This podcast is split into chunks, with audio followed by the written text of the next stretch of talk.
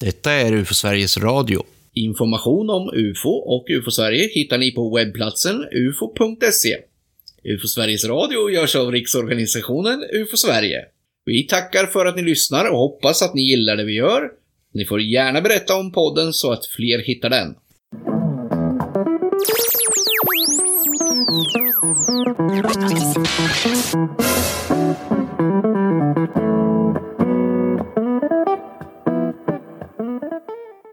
Då får vi eh, hälsa välkommen, eh, ni som lyssnar och vi som pratar idag här. Eh, Tobias Lindgren och jag, Anders Berglund. Ja, det är ju trevligt. Ja, ja, idag ska vi prata om riktigt märkliga grejer. UFO-observationer som har hög märklighetsgrad. Det ska bli spännande. Och det är UFO-observationer där, som innehåller element då, eller grejer då som är väldigt märkliga. Det handlar alltså inte bara om att någon ser ett ljusprick på himlen eller en misstänkt farkost av något slag på lite håll då, utan nu i sådana här observationer kommer observatörer mycket närmare och kan till exempel beskriva varelser i samband med det här. Ja, det är ju inte lätt egentligen att veta vad fall med hög märklighetsfaktor är, för det kan ju vara så väldigt mycket. Det ofta är väl att det är väldigt lustiga saker. Det finns ingen facit.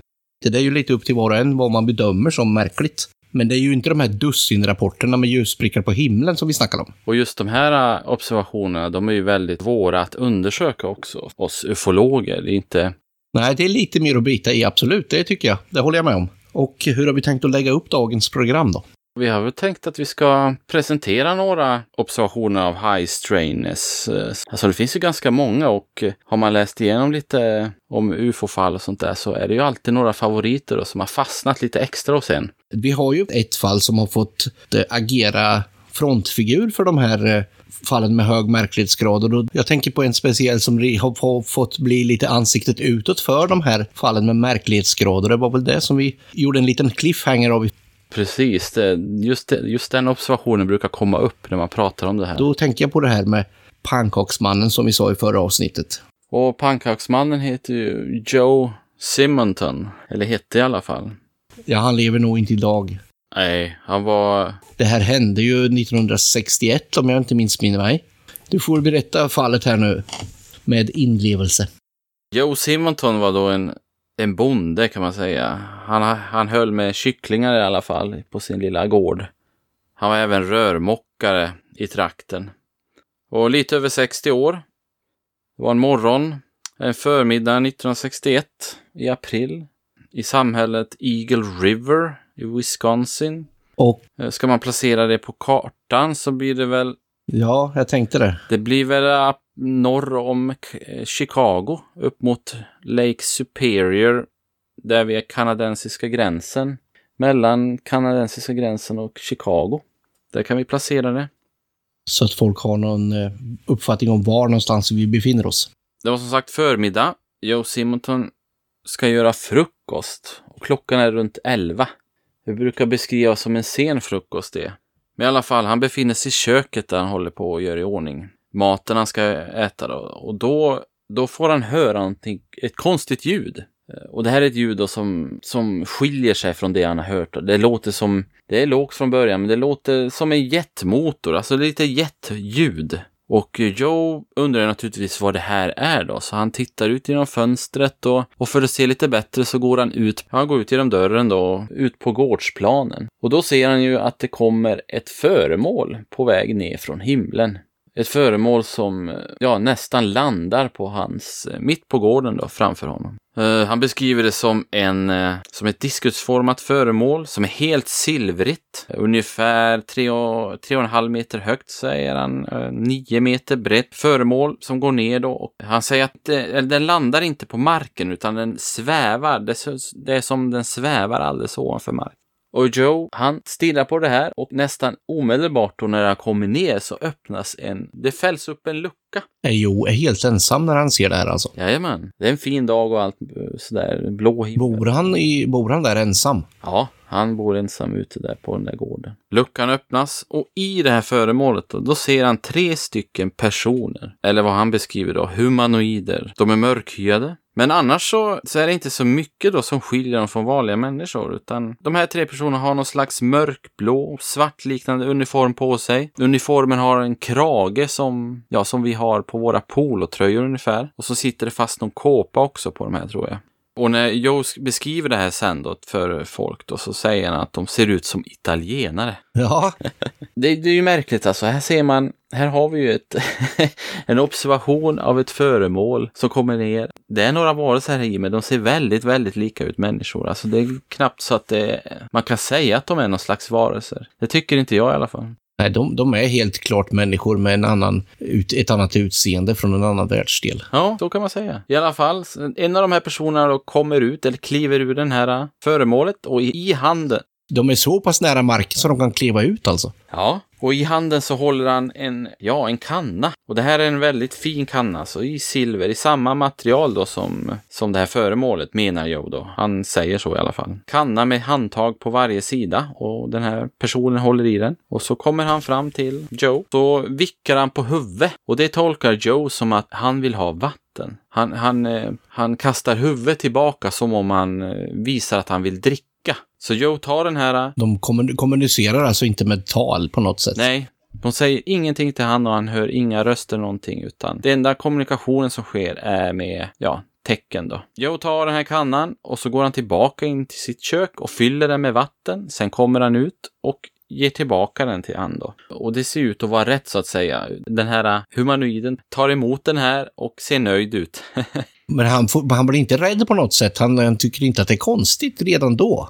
Nej, inte, inte på det man kan läsa alltså, utan han eh, beter sig ganska, han tar det ganska stoiskt alltså. Det, Han är cool. Men i alla fall när han ger tillbaka den här kannan då, då kan han se, då har han kommit så nära föremålet så han kan se lite mer in i interiören så att säga. Och där sitter ju de andra två humanoiderna. Och eh, de sitter ner, en håller på och eh, håller på med någon slags panel, beskriver han det som. Han, han verkar vara upptagen med någonting i alla fall. Och den andra sitter vid vad Joe beskriver som någon slags grill, någon slags eh, platta. Och den sitter där och eh, håller på att koka, eh, ja, tillaga någonting alltså. Det ser ut som kakor som han håller på att göra på den här plattan.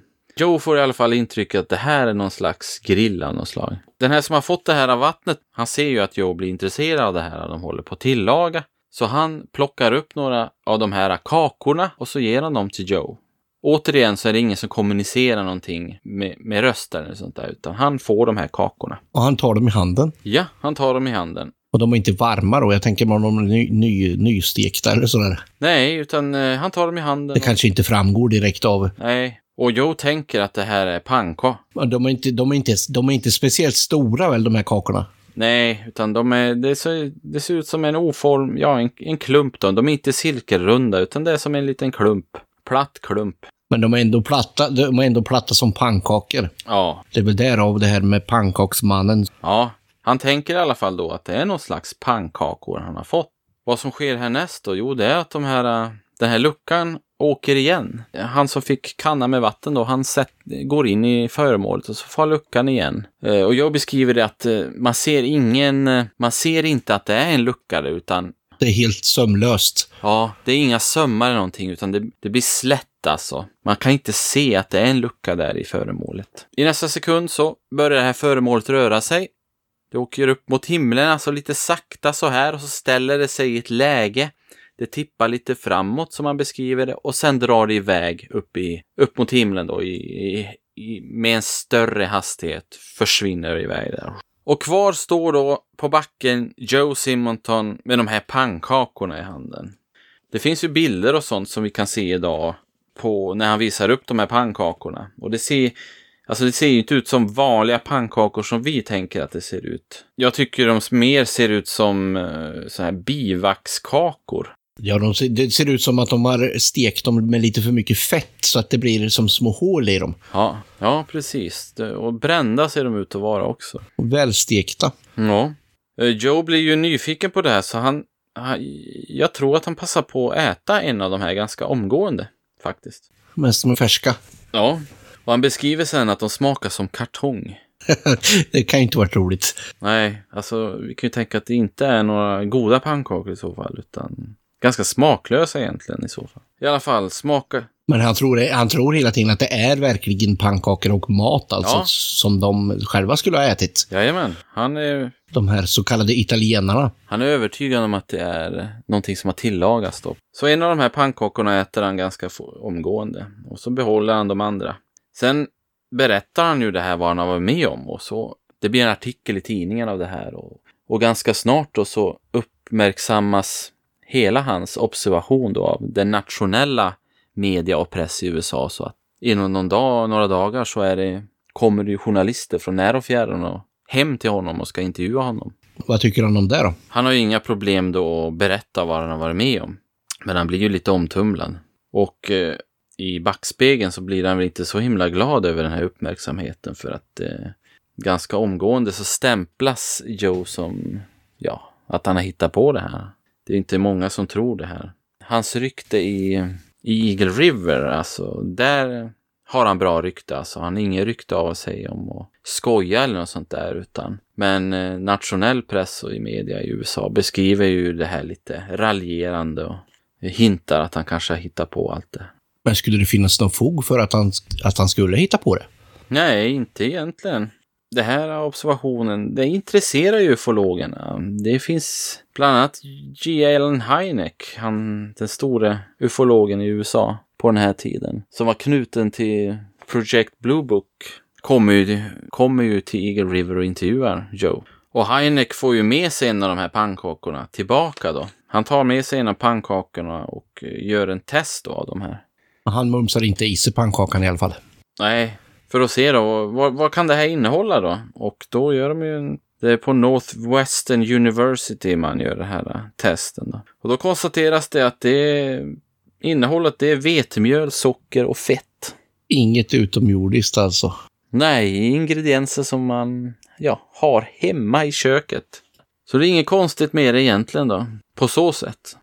Heineck och Project Blue Book, de, de spekulerar i att Joe Simonton kan ha haft en ja, slags hallucination. Då. Hallucination. Att, att han hallucinerar, att han, att han skulle ha på något sätt eh, gjort pannkakan själv. Ja, de tänker sig att han har dagdrömt. Han har eh, ja, varit i omtöcknat tillstånd så att säga. Kanske varit trött och sådär. Han har stått och lagat sin frukost och så har han ja, trott sig varit med om det här då.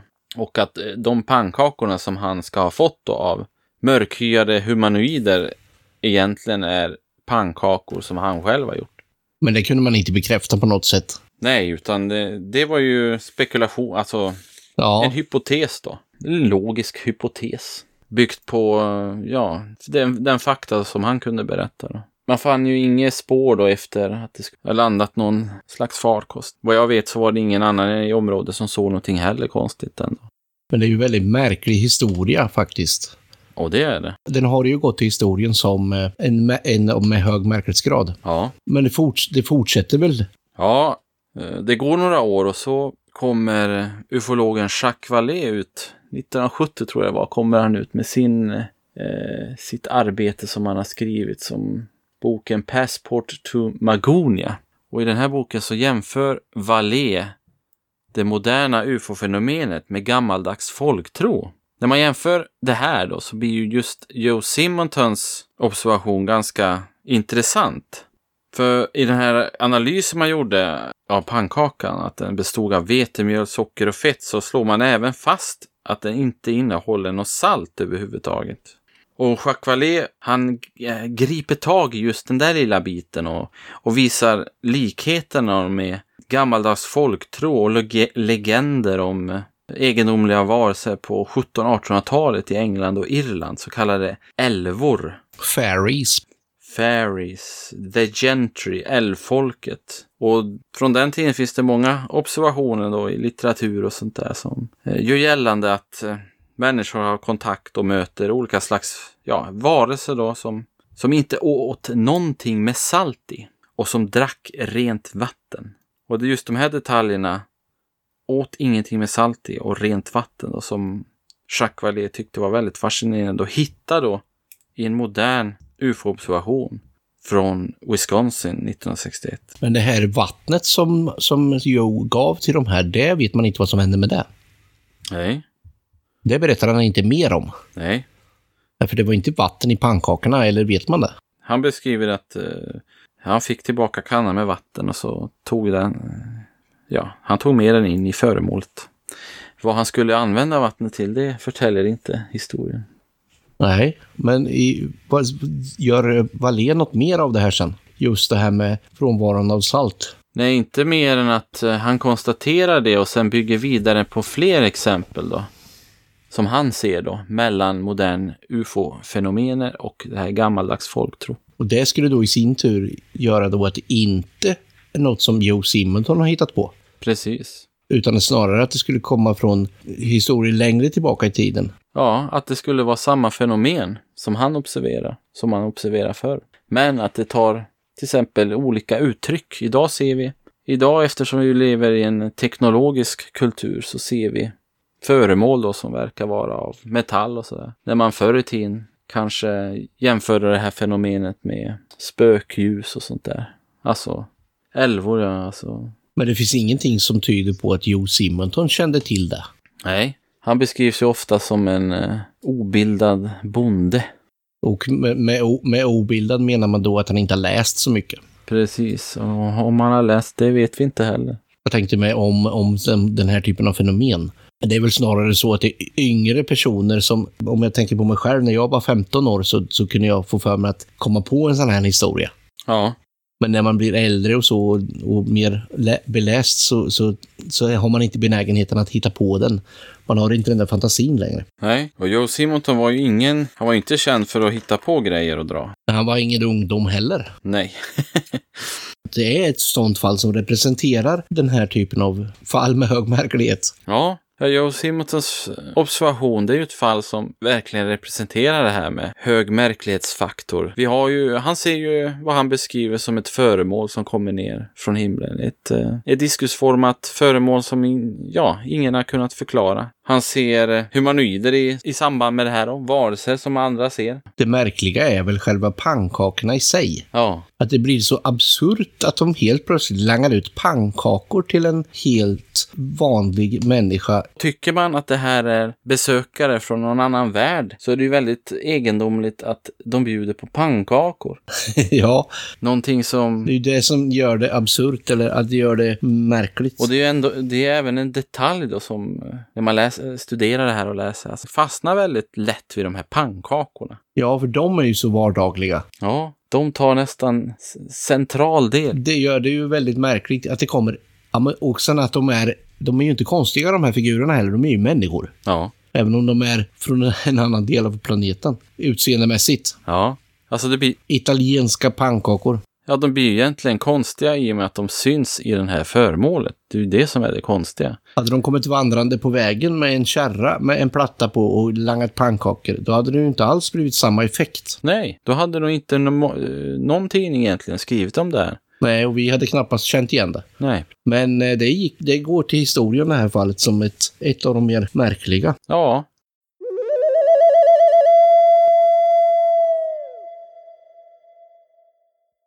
Ska jag ta en liten där rakt upp och ner här, så får vi se vart vi hamnar. ja, Ett litet fall som jag själv skrev om i UFO-aktuellt för några år sedan. Det var en dam vid namn Anna-Märta Kjellberg i Norråker i Jämtland. Är det en ort du känner till, Anders? Nej inte direkt.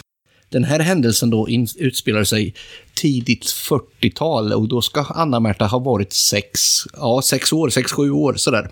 Hon var ute med mamma i skogen och skulle plocka blåbär. De kom ifrån varandra lite sådär, de var väl inte så långt, kanske 50-talet meter. Då hör Anna-Märta hur det brummar i marken. Så hon går runt där och hittar det här brummande ännu mer då. Hon lokaliserar det kan man säga. Och börjar gräva i mossan då under blåbärsriset. Och det blir ju mer och mer spännande då. Helt, helt plötsligt hittar hon hittar en, eh, ett klot. Oj. Hon säger att det är stort som en pingisboll. Det känns som att det är gjort av celluloid, säger hon. Det är ju någon föregångare till plasten då. Runt det här föremålet så finns det en fläns, säger hon. Är, hon säger att det liknar Saturnus, planeten Saturnus. Hon frågar mamma om eh, hon får ta med det där hem och mamma blir nej, nej, usch och fy, släng bort det där, det där ska du inte leka med. Anna-Märta stoppar ju den där i fickan i alla fall och tar med den hem. Då blir mamma ännu mer irriterad och säger att du måste kasta bort den. Eh, det, det, är krut i den här lilla tjejen då, så hon går ut och lägger den här på huggkubben. Bara det är ju konstigt. Tar yxan, svingar den högt över huvudet och klyver den här lilla grejen. Ut kommer en kläggig svart sörja som luktar illa och är allmänt otäck. Då förstår hon att det är dags att kasta bort det här. Så hon gör det då. Man vet inte sen vad som händer med det där. Anna-Märta, hon tänker, har ju tänkt på det där hela livet ända fram till nu och än till denna dag så undrar hon fortfarande vad det var för en grej det där. När jag tänker på den här svarta sörjan, jag, jag får ju associationer till eh, Arkiv X. Det var ju någon svart sörja där också. Ja, det var verkligen märkligt. Eh, bara det att de beskriver det som allmänt, vad var det, otäck? Det här innehållet i den här ja. Ja, reser ju lite hår då på armarna. Ja, väldigt konstigt. En liten, liten, liten miniplanet nedgrävd i jorden.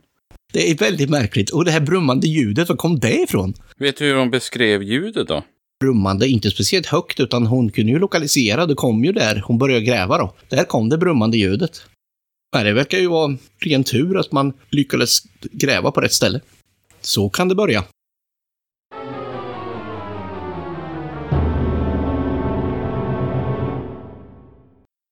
Och har du någonting att fortsätta med att hugga tag i? Ett favoritfall som jag har varit med och undersökt själv, det, eh, det inträffade 2013 eh, i Skara. Ja, det är ju alltid spännande när, när, när det händer i närtid, så att säga. När man förstår att man själv skulle kunna råka ut för det.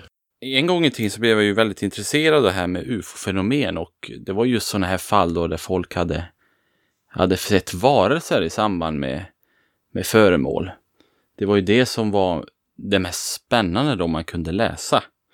Och eh, ja, 2017, det var ju två år sedan då, då fick ju jag själv då tillfälle att eh, prata och intervjua en person då som hade, som säger sig ha sett då en sån här eh, varelse. Det, det, inte, det skulle ha inträffat eh, första juli 2013. Eh, en måndag var det och eh, den här mannen då var på väg till, till sitt jobb. Han cyklade till jobbet på den här tiden. Han bodde lite utanför Skara och så skulle han cykla in på morgonen till sitt jobb då, i centrala delen av staden. Det var tidigt på morgonen där eller? Ja, det, det började närma sig halv sju då. Och han hade ju några kilometer att cykla. Så han satte sig på cykeln där och for iväg då, så han skulle kunna vara där alldeles innan sju då cyklade han i, ja, i godan ro då. Det var en sån här sträcka som han har cyklat väldigt många gånger. Eh, och efter ett tag så kommer han in på en, ett litet grönområde som ligger mellan Gällkvistgatan och Djurgårdsvägen. Och det är vi mitt inne i Skara? Alltså. Ja, nästan mitt i alltså. Men eh, det är en sån här cykelväg då som går över en gräsmatta så att säga. Och han kommer där och cyklar och så plötsligt hör han ett väldigt konstigt ljud. Alltså det är som en hög smäll som han hör.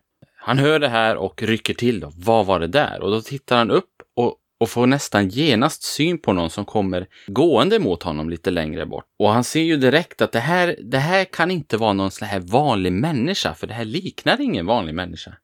Han, beskrev, han beskrev det här till, till mig när jag pratade med honom som en två meter lång varelse som var väldigt bred över axlarna. Den hade ingen, inga öron och inga näsa. Och inget hår heller. Och huvudet, det var päronformat. Eh, ansiktet var slätt och det var stelt. Och som mun då hade den ett smalt, tunt streck. Eh, han beskrev det som ett så här finmaskigt nät. Alltså munnen var som små hål som var borrade på det ansiktet efter varandra. Som ett litet nät. Det som var mest utmärkande på den här varelsen, det var ögonen. Alltså. Han beskrev dem som svarta, som rektangulära, med gula pupiller då som eh, syntes väldigt bra. Den här varelsen var också klädd i något eh, grovt och skrynkligt tyg. Alltså det såg inte ut som, det var inte material som någon, ja som han är van vid att se på någon. Det såg ut som den här hade svept i en gammal presenning. Eh, och på fötterna hade den här svarta skor. Och det såg inte ut som vanliga skor heller. Det såg ut som två upp och nervända skålar när den här varelsen gick då så lyfte den inte på fötterna heller utan det var som den hasade fram Den sköt benet utan att vinkla det framåt och, då, och det skapade ett ljud då, så det hördes ett skrapande ljud när den här närmade sig eh, vår observatör. När han såg den här då, då var det ungefär, han beskriver det som att det var 30 meter bort. Då kommer han och cyklar och så kommer den här varelsen emot han. Och när de är som närmast så är de ungefär två meter ifrån varann. Han ser ju den här väldigt bra och han kan ju beskriva då detaljer och sånt. Observatören berättar även att de här armarna på den här varelsen, de hängde rätt ner. Alltså de pendlade inte som när vi människor går. Och så gick den här snabbt och ryckigt. ryckigt. Och det här är ju, det här är ju väldigt märkligt alltså. Han blir ju rädd ganska direkt. Men som tur är för han då, tänker han då, så, så ska han alldeles svänga då vidare mot jobbet. Alltså, den här gångvägen delar sig just där, där han möter den här varelsen då. Så han svänger cykeln och fortsätter att cykla då mot jobbet. Och då vänder han sig tillbaka för att se vad den här varelsen gör. Och då står den här två meter långa skepnaden, står där och, och tittar på han då. Samtidigt som det växer ut något slags vitt ljus ur magen. Eh, ett sken som växer och växer. Samtidigt som, så han, börjar, eh, han kan börja se grenar och sånt som är bakom varelsen. Alltså det blir som genomskinligt. Han kan se det genom den här kroppen. Ju mer det här ljuset växer, ju mer genomskinlig blir hela skepnaden och till sist försvinner den bara. Han eh, cyklar vidare till jobbet och han är ju väldigt skärrad alltså. Och han berättar det här för sina arbetskamrater också, vad han har varit med om när han kommer fram. När han åker hem sen, eh, när de har stängt för dagen, då tar han en annan väg hem. Och sen så har han aldrig cyklat till jobbet mer. Han cyklar aldrig mer till jobbet utan han börjar åka bil. Han vill inte möta det här igen. Då. Du har varit på platsen och kollat? Jag eh, tillsammans med en annan fältundersökare för UFO Sverige, Tage Bång, vi var och besökte han då. Eh, och så tillsammans med honom så får vi ut till observationsplatsen och gick igenom. Och då, då följde han med dit? Ja. Och då var det lugnt? Jajamän, då vågade han följa med så att säga. Men det kanske var första gången sen, sen upplevelsen då? Ja, det, jag tror nästan det var det. Och det här är ju en väldigt fascinerande observation. Alltså man vet inte riktigt vad man ska tro. Alltså det är svårt att utreda det.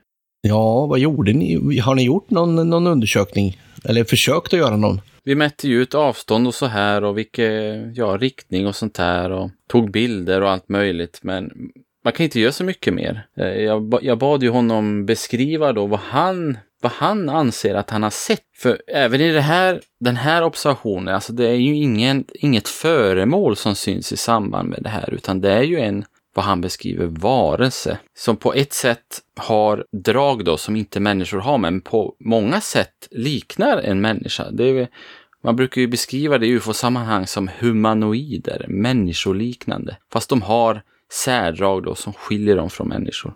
Han, han tänkte efter ett tag där och så sa han så här i alla fall när han skulle beskriva det han hade sett då. Och då sa han jag har läst om hur de såg änglar förr i tiden och jag tänkte att det var något liknande jag fick se. Märklig ängel i, i, i min värld. Ja. Nej, jag tänkte, tänkte robot ett tag. Den var gjord, den var gjord av kött och blod alltså. Ja, jag menar, om, han, om hans, hans beskrivning var mer åt det hållet än åt en, en robot som är gjord av plåt. Nej, han uppfattar det som kött och blod. Ja, jag tänkte på det här, det här nätet i munnen och så, för att jag har ju läst eh, beskrivningar av robotliknande varelser som haft den typen av öppning då, där munnen skulle då sitta och det skulle vara något nät där istället, bara som, som en liten högtalare då. Ja. Den associationen fick jag. Ja, Ja, om man vill vidareutveckla den då så kan man ju även säga att den här gångstilen så att säga är ju också lite robotaktig. Ja, verkligen. Och de här konstiga fötterna, eller som är längst ner på benen. Ja. Men det var en humanoidliknande varelse alltså. Ja, 2013, mitt i Skara. Mitt i sommaren.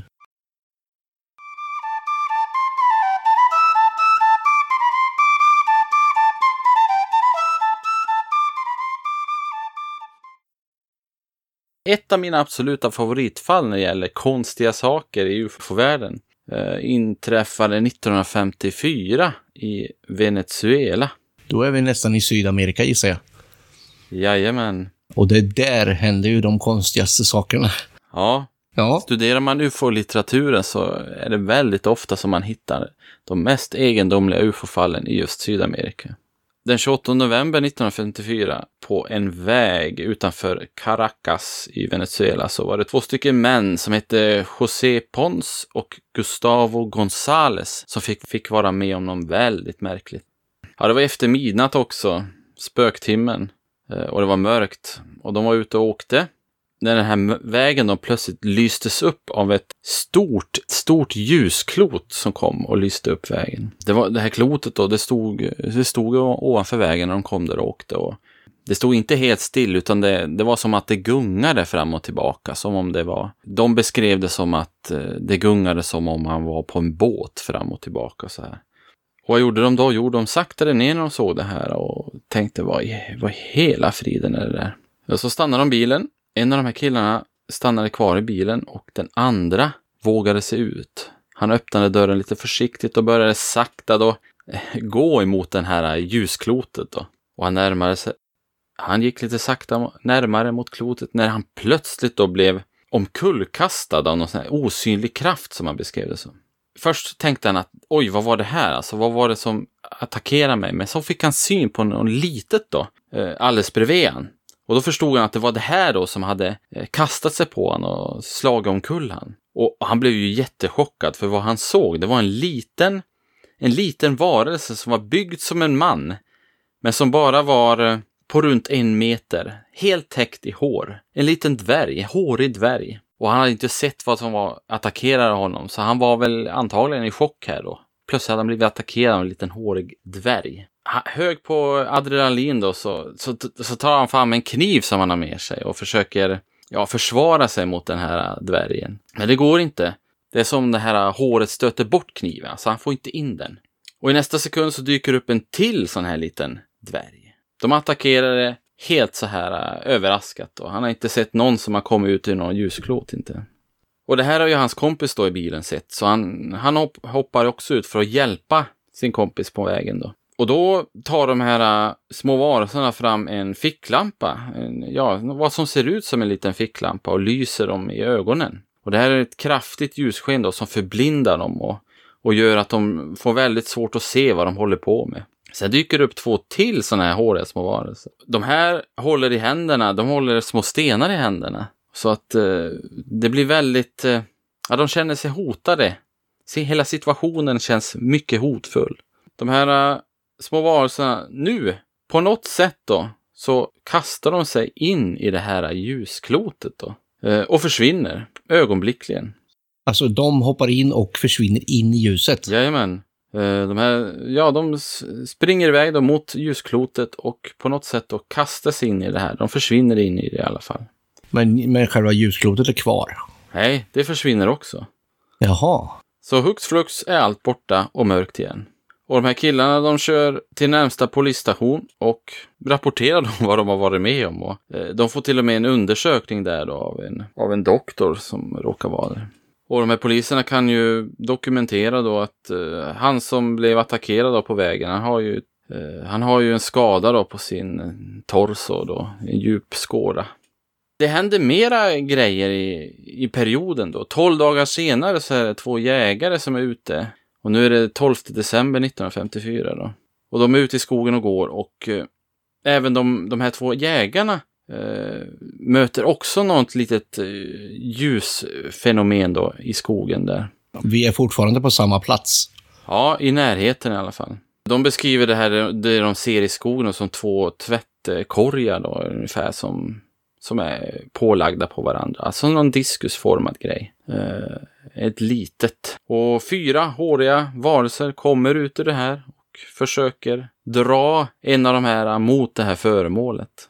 Var det också kvällstid där eller? Ja, de får lov att slå sig fria från de här för att ta sig därifrån. Och även här då när de har eh, hållit på ett tag och eh, lyckats freda sig själva så hoppar de här små varelserna tillbaka till det här, till det här föremålet som är lite längre bort och försvinner iväg då upp mot eh, himlen. Då kan man se verkligen att det flyger iväg. Ja, och de här jägarna de har också skador på sig då. Och man kan ju se att deras kläder är, ska, ja, det är revor i kläderna och sådär. De är så pass lika varandra så att man tror att de hör ihop. Ja, på grund av att de är väldigt eh, samstämmiga rent geografiskt. Ja, Men man har inte kunnat eh, avgöra någonting eller hitta något i efterhand. Jag tänker om det är någon ufolog eller något som har gjort någon undersökning i det här fallet. Nej, inte vad jag vet och jag har inte kollat upp det heller. Utan det är mer att oj, när man läser om det här så blir man naturligtvis väldigt konfunderad. Och det är ju verkligen så att Sydamerika, där är det ju de lustiga fallen. De skiljer sig väldigt mycket från resten av världen, ska man säga. Ja, eh, tittar man på ufo-litteraturen, alltså tidningar och sånt från 60, 70, 80-talet så är det väldigt ofta det är beskrivningar av väldigt konstiga ufo-fall som kommer just från Sydamerika. Men om de är vidare genoms- eh, undersökta, det är ju en annan fråga. Nej, men ofta är de ju så, så de har så hög märklighetsgrad så jag tror inte att man skulle kunna hitta på dem. Nej, De är ju inte speciellt avancerade, men de är väldigt märkliga.